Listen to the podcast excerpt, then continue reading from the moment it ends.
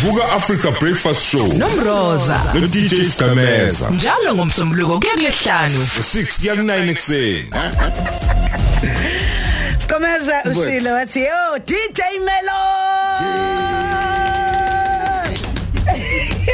Ah. Buti, Yebo. ugrand. Happy year siyabingelela. Ebujuwe. Ayasabazi ba. Hayi ngikhona ngikhona ngikhona kakhulu ngikhona yonke indawo. Yeah. Khona yonke indawo phela kuyenzeka umuntu uthola ukuthi usakha nangale ngaphandle. Ufuna ukutshela wakho ukuthi uv- uvakashile mawuzekhaya. ubeka umjondolwana wakhe le ngaphandle ufuna ukubona ukuthi kuyahlaleka usafuna amakhansela ngakhona Lalela manje South Africa usathe qhubu.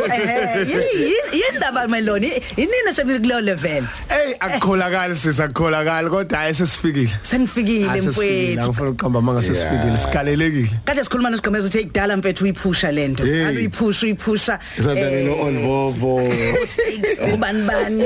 Elvovo tirango eh simbone komondli. Hey. unathi. Baningi kakhulu abaculi eh, osiphokazi nabo futhi Hey besebenza ludu hambo ya ludu hambo.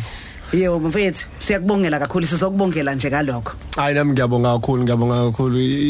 Uhambo luhle kakhulu. Umuntu lokho eqalile nje. Into emnandi ke siphile ezikhathini ezimnandi manje i-digital. Eh mhlawumbe ngolimi lolo lwakale digital era mas release umculo usudayisa umhlaba wonke akusafani nakudala. Ama CD laba sidayisa khona eSouth Africa kuphela. So sekubalekile ukuthi noma sipromoter noma senzana umculo wethu sike nangale sibuye sithola amathuba emazweni angaphandle. Mm sesinibone eh nino Black Coffee lapha uthothi kuhlanya crowd lapha na ko Ibiza kuphi kuphi eh ni post nisho masisuka la sesiya kuphi? Masisuka la sesiya next stop bani bani? Ngithi yo lezi ngane Ayi, into esimnyama ezimbili nje. Ayisukile gade yethu. Ayinsiza kamaphumulo impela ngoyibonga ngifile ngoba eh, mangiphuma covid nje iyona into yokuqala mhlawumbe ngathi inkulu yenzeka kwi career yami ukuthi angimeme kuma night akha IBT IBT club enkulu kunawo wonke emhlabeni jikelele ukuthi baningi abantu abaqala baze baqeda uk DJ bengazange balithola ithuba lokuyodlala Ukudlala. mangifika khona ngatshela ukuthi hayi awuzudlala inama floors ayi3 ithi indawo ezi3 zihlukahlukene ezahlukahlukene. Even ama toilet akhona khona u DJ yonke indawo Yonke indawo. Ngangitshela ukuthi Ngangizokhinisisho le. ngitshela ukuthi hayi wena uzodlala lapha kwi main floor la kudlala khona uBlack Coffee ngoba hayi ngithe ngisabhekela lokho ngadlala engaqeda ngajabula. Kodwa usazobuyela niyodlala nobabili ke manje Ha. senidlala ke manje for 2 hours nje back to back Aha. Ngathi, ha hayi ngaphinde Iyo. so iyona into nje Wabuthi, eyangikickstarter ke emva kwe covid ke Eh. and then kwaya ke nokurelease ke EP yethu lephumile no Inonapa esikhiphe together Aha. eh ekuthiwa iThuzulu Men in Yeah. Ibita inspiration vele ukuthi umuntu useke waya khona ngale and then ekuyiyona ibe u number 1 kuma charts amaningi kuze kube manje nje eEurope kuma charts isawu number 1 so yenza kahle kakhulu ngasho ukuthi nayo iya contribute ekuvulekeni kumnyango eminingi evulekayo okay usalapho nje usifundiseke la siyafundisa sikhona la sifundiseke usitshela ukuthi kubizwa kanjani. Ibiza ayibida ayibi ayibiza eh ibi- Ibhiza, ibiza. Nginga- ngingathi sifundise sisiqale nje thina South sikhulume Africa nge- nges- eswazini naseswatini it's the same thing. Ehhe. kuya ngokuthi mhlombe owakuphi yabo. Oh. kodwa bakhona abantu abaye bathanda ukuhleka umuntu uma pronounce ngendlela yangakhona. Khona abantu abathi mowe khona abathi mowet yeah. so kuyafana kuya ngokuthi uhlala kuphi nibiza kanjani la nikhona. So umuthi seswazini nomuthi seswatini Eswatini. nase ayibiza omunye umuntu othi ayibiza uyazi ukuthi usho kuphi. Noma ethi ayibida it's because abantu bakhona ba pronounce kanjani Utha. uzethu wabo kodwa likho icala wona umuthi seayibiza Siyabonga. Uyathi siyabonga. ibiza athi umuntu usho kanjani uthi ibiza uthi uthi indlela pronounce ngayo. There's no master of pronunciation. Siyabonga. Yeah. Hayi, safa ayibhida. professor Lapha ngekho notsala kabonakala thina ngala uzethu uzethu. Uzinje uzinjala ushintshi. Yo. two Zulu men in ngicela ukusho ngalendlela Ibiza. yakhona Ibiza. Yeah. yeah in Ibiza. Dlala lama Thunzibani, lama two Zulu men kushuthi i- ubani nobani la? U DJ Melon no Inonapa. Inonapa sokhumbula ngihlangane naye nje emncanyane eminyakeni engemingaka edlula i think it was end 2018 ahlangana naye u producer kuphela sangena wa- wadlondlobala waba u DJ ngokuhamba kwesikhathi wasayina ecompany ka Black Coffee ngoba siyasebenzisana. Sambona naye ethola umhlaba. Kuyimanje ngangikhuluma la ukhosini usebali. Eh eh la edlala khona ke namhla kusukela namhlanje kuze kube isonto. So sasebenzisana ngasho ukuthi umunye wabafanele ngibamentorishile into industry and kuyajabulisa ukubona esekule qophele kulona iqophela kulona lingangeqophele sikulona nathi Iyo. so sihamba naye siphila Yazi naye. ngiyakhumbula I think bengenza usho- ishow ke isikhathi lockdown i lockdown no cause ngayithola kuwe contact yakhe ukuthi si- eh simdlalise yes. Yes kuwo lo mbuzo lowo. Uzothi omunye umuntu wawungathi hayi hayi hayi gcina la kimi siqemeza black off ibalekile lento yokuthi makhona intwana ebukela kuwe oyimentorishayo uyivulela amathuba ungabe because industry yethu eh ngiyayibala nami ngoba ngeke ngalunguza kuyona. Kunodumo ku- kunalamagama amaningi ukuthi wo kuyavalelwana. Once wangena nje umelone oh akusekho umuntu ongena emva kwakhe. Kodwa usakwazi ukuthi uthi hayi siqemeza uzobathatha ilobani nanze nje intwana eshisayo ngekuyisola isimanga engakutshela sona siqemeze esikhulu kakhulu ukuthi abantu abaningi aba- abathi bayavalelwa bayivalele bona ngokuvalela abantu.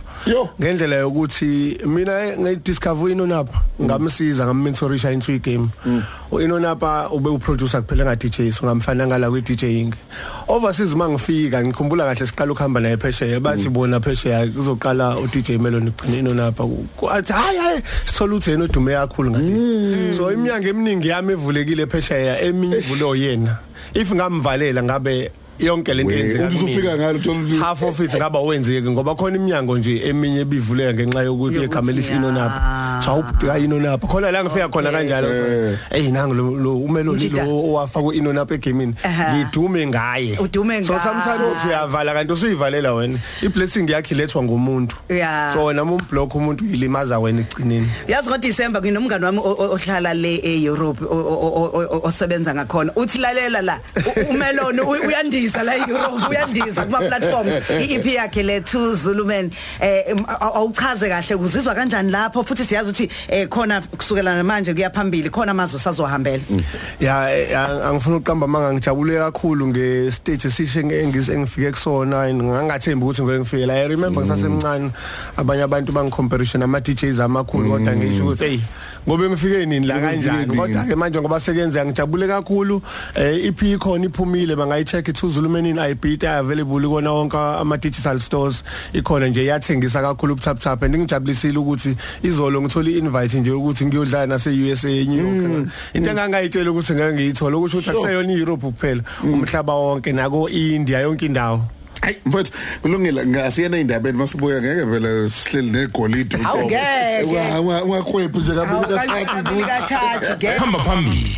Usuka la eMzansi uya umhlaba wonke jikelele une EP eh, out kumanje eh two Zulu men in Ibiza. Ladies and gentlemen DJ Melon.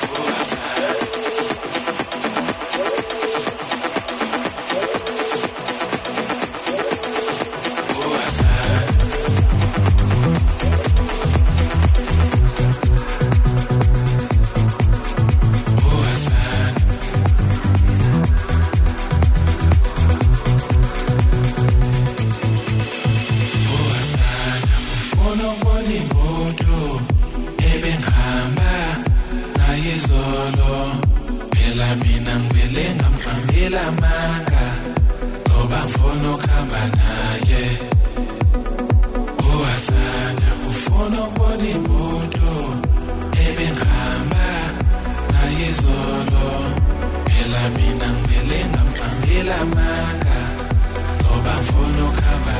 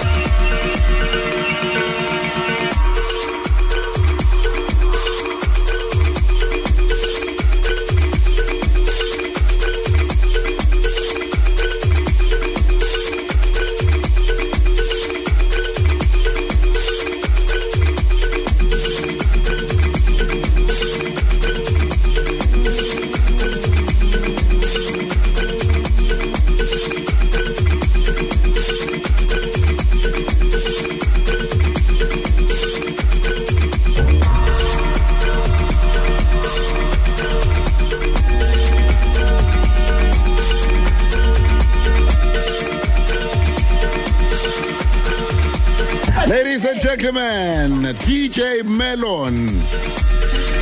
The two men in Ibiza. Aye. Make some noise. yes yes yes Yeah. Manje usuyazi ukuthi why eh, emazwe angaphandle engamdedeli ukuthi eze. Mfethu siyabonga manje. Siyabonga baba. Bonga mina bonga mina bengizama ukinspirisha wena bhuti ukuthi ubuye. mina buya Sekufike emaklabhini. Asafuna ukudlala emaklabhini siyamlanda ke. Wena leli uyagceba ngiyamceba uthi wena bayangithathe kuse IP. Uthi we crowd vele ukuthi ayiyabuya manje. ya uba ngithola usubuyisa hayi no ngiyabuya bafowethu eh eh ngeke ayikho le Ama bookings asemzansi usawathatha kule Wathatha shethele. kakhulu futhi nje khona ngoba unyaka uqala ngisala ekhaya so siyawathatha ama bookings available DJ Melon inonapho khona satholakala kwi email ethi it's djmelon@grayman.co.za or djmelon@icloud.com noma usimelele ku nomsavezi@grayman.co.za usiso sebenza lapha eofficeini so yeah ke ku busy ku busy So uzekhona kwaba organizer nje ubiline up ingaqinile nje usenga add. Hayi sikhona kakhulu futhi ama date mancane asele nje bazi. Umuntu umefona abe no option B. Abe ne-option angathi B. ufuna le date kuphela makwenze angayithola ngaphathe kambi sikuphathe kanjani mase sikubhukile mfethu sesifundile icontract ukuthi no phathwa kanje kanje kanje. Kodwa ze- Kama CD ngoba siyayibona indlela abakuphatha ngayo kwamanye amazwe ama CDJs lawa esuke eceliwe ku Eh. contract kubaleke kakhulu ngoba uDJ uyafika kodwa angakwazi ukuperforma kunikeze lento a- afuna Yeah. ukuyenza. Ngenxa yezinto ayisebenzisayo. izimo ezithile so masukuyi festival noma eclub sicela ukuthi kube yile equipment eseqophelweni ukuthi ama DJs wonke not just mina wonke umuntu okhona even laba abasaqala mabecela equipment ethile i provide ukuthi bazokwazi Banikezeni. ukuthi ya ya umuntu enze lento afisa ukuyenza ngendlela afisa ukwenza ngakho senza ngendlela engafani sonke and sisebenzisa equipment engafani. Ngiyakubona eh, ukuthi hey eh, ubusufika sekuyabhala kuthiwa DJ Melon uzobe ehleli la eh into zakhe zonke azibela iduzane yabuya couch yakhe enzima RSA. Eh, RSA Letha, DJ Melon RSA kumama bodyguard eqhadiyo nje akusondela umuntu la ngoba uDJ Melon. Yomfethu ifeeling emnandi kakhulu leyo. Siyabonga kakhulu ukubona bonke abantu abasupportile kusukela umuntu aqala kuze kube manje nabasilandela inkundleni zokuxhumana Yeah. SDJ Melon on Instagram @DJ Melon on Twitter @DJ Melon on TikTok DJ Melon on Facebook. So siyabonga kakhulu. Sokubaba khona manje. Mina ngikhumbula ukuthi eh, abona umuntu eh, eh, akhule phambi kwakho. Mina ngikwazi saba la so motivate ingane. sesekoleni because mina yona into esiyenzayo ngijabulile nje kade ngithole enye invite invite yaseScopo eScopo yangomhla Yeah. 5 February ukuthi ngihambe ngiyokhuluma neYouth. Iyangijabulisa kakhulu. Sokubekezela sobe selapha senzayo ngithola kulo ku- ku- kunxele ulu uMlasivo umla Yeah.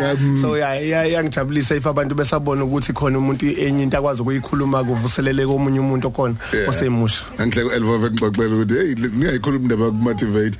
Abafika kwezinye ingane ezincane zesikole uyitshela ukuthi ziyingane. ethi uya kwa high school wangasazi uzothini ngoba eprepare ukukhuluma nabantu base high school usefice primary Bele zithi yes. sir. Akhona amantombazane la. Mthisha Khona ongaka amantombazane. That's why yes. Yes. sir. Awusakhuluma ngayo livovo nje kuyajabulisa ukuthi umfowethu useyeluleme Useyeluleme. usesekhaya kade ngifonela sikhuluma sekumnandi again uyalulama impela so kuyajabulisa nje abantu bangasathuka elivovo khona uphilile uright manje eh kungekudala bazombona esegquma futhi estage i know Mfethu sijabula kakhulu manje siyayiqhenya ngawe ngophakamisa iflag letter semzansi. siyabonga kakhulu Futhi hayi la semzansi kuphela seAfrika. Vuka Africa Breakfast Show. Nomroza. No DJ Skameza njalo ngomsombuluko kuya kulesihlanu 6 kuya ku9 ekseni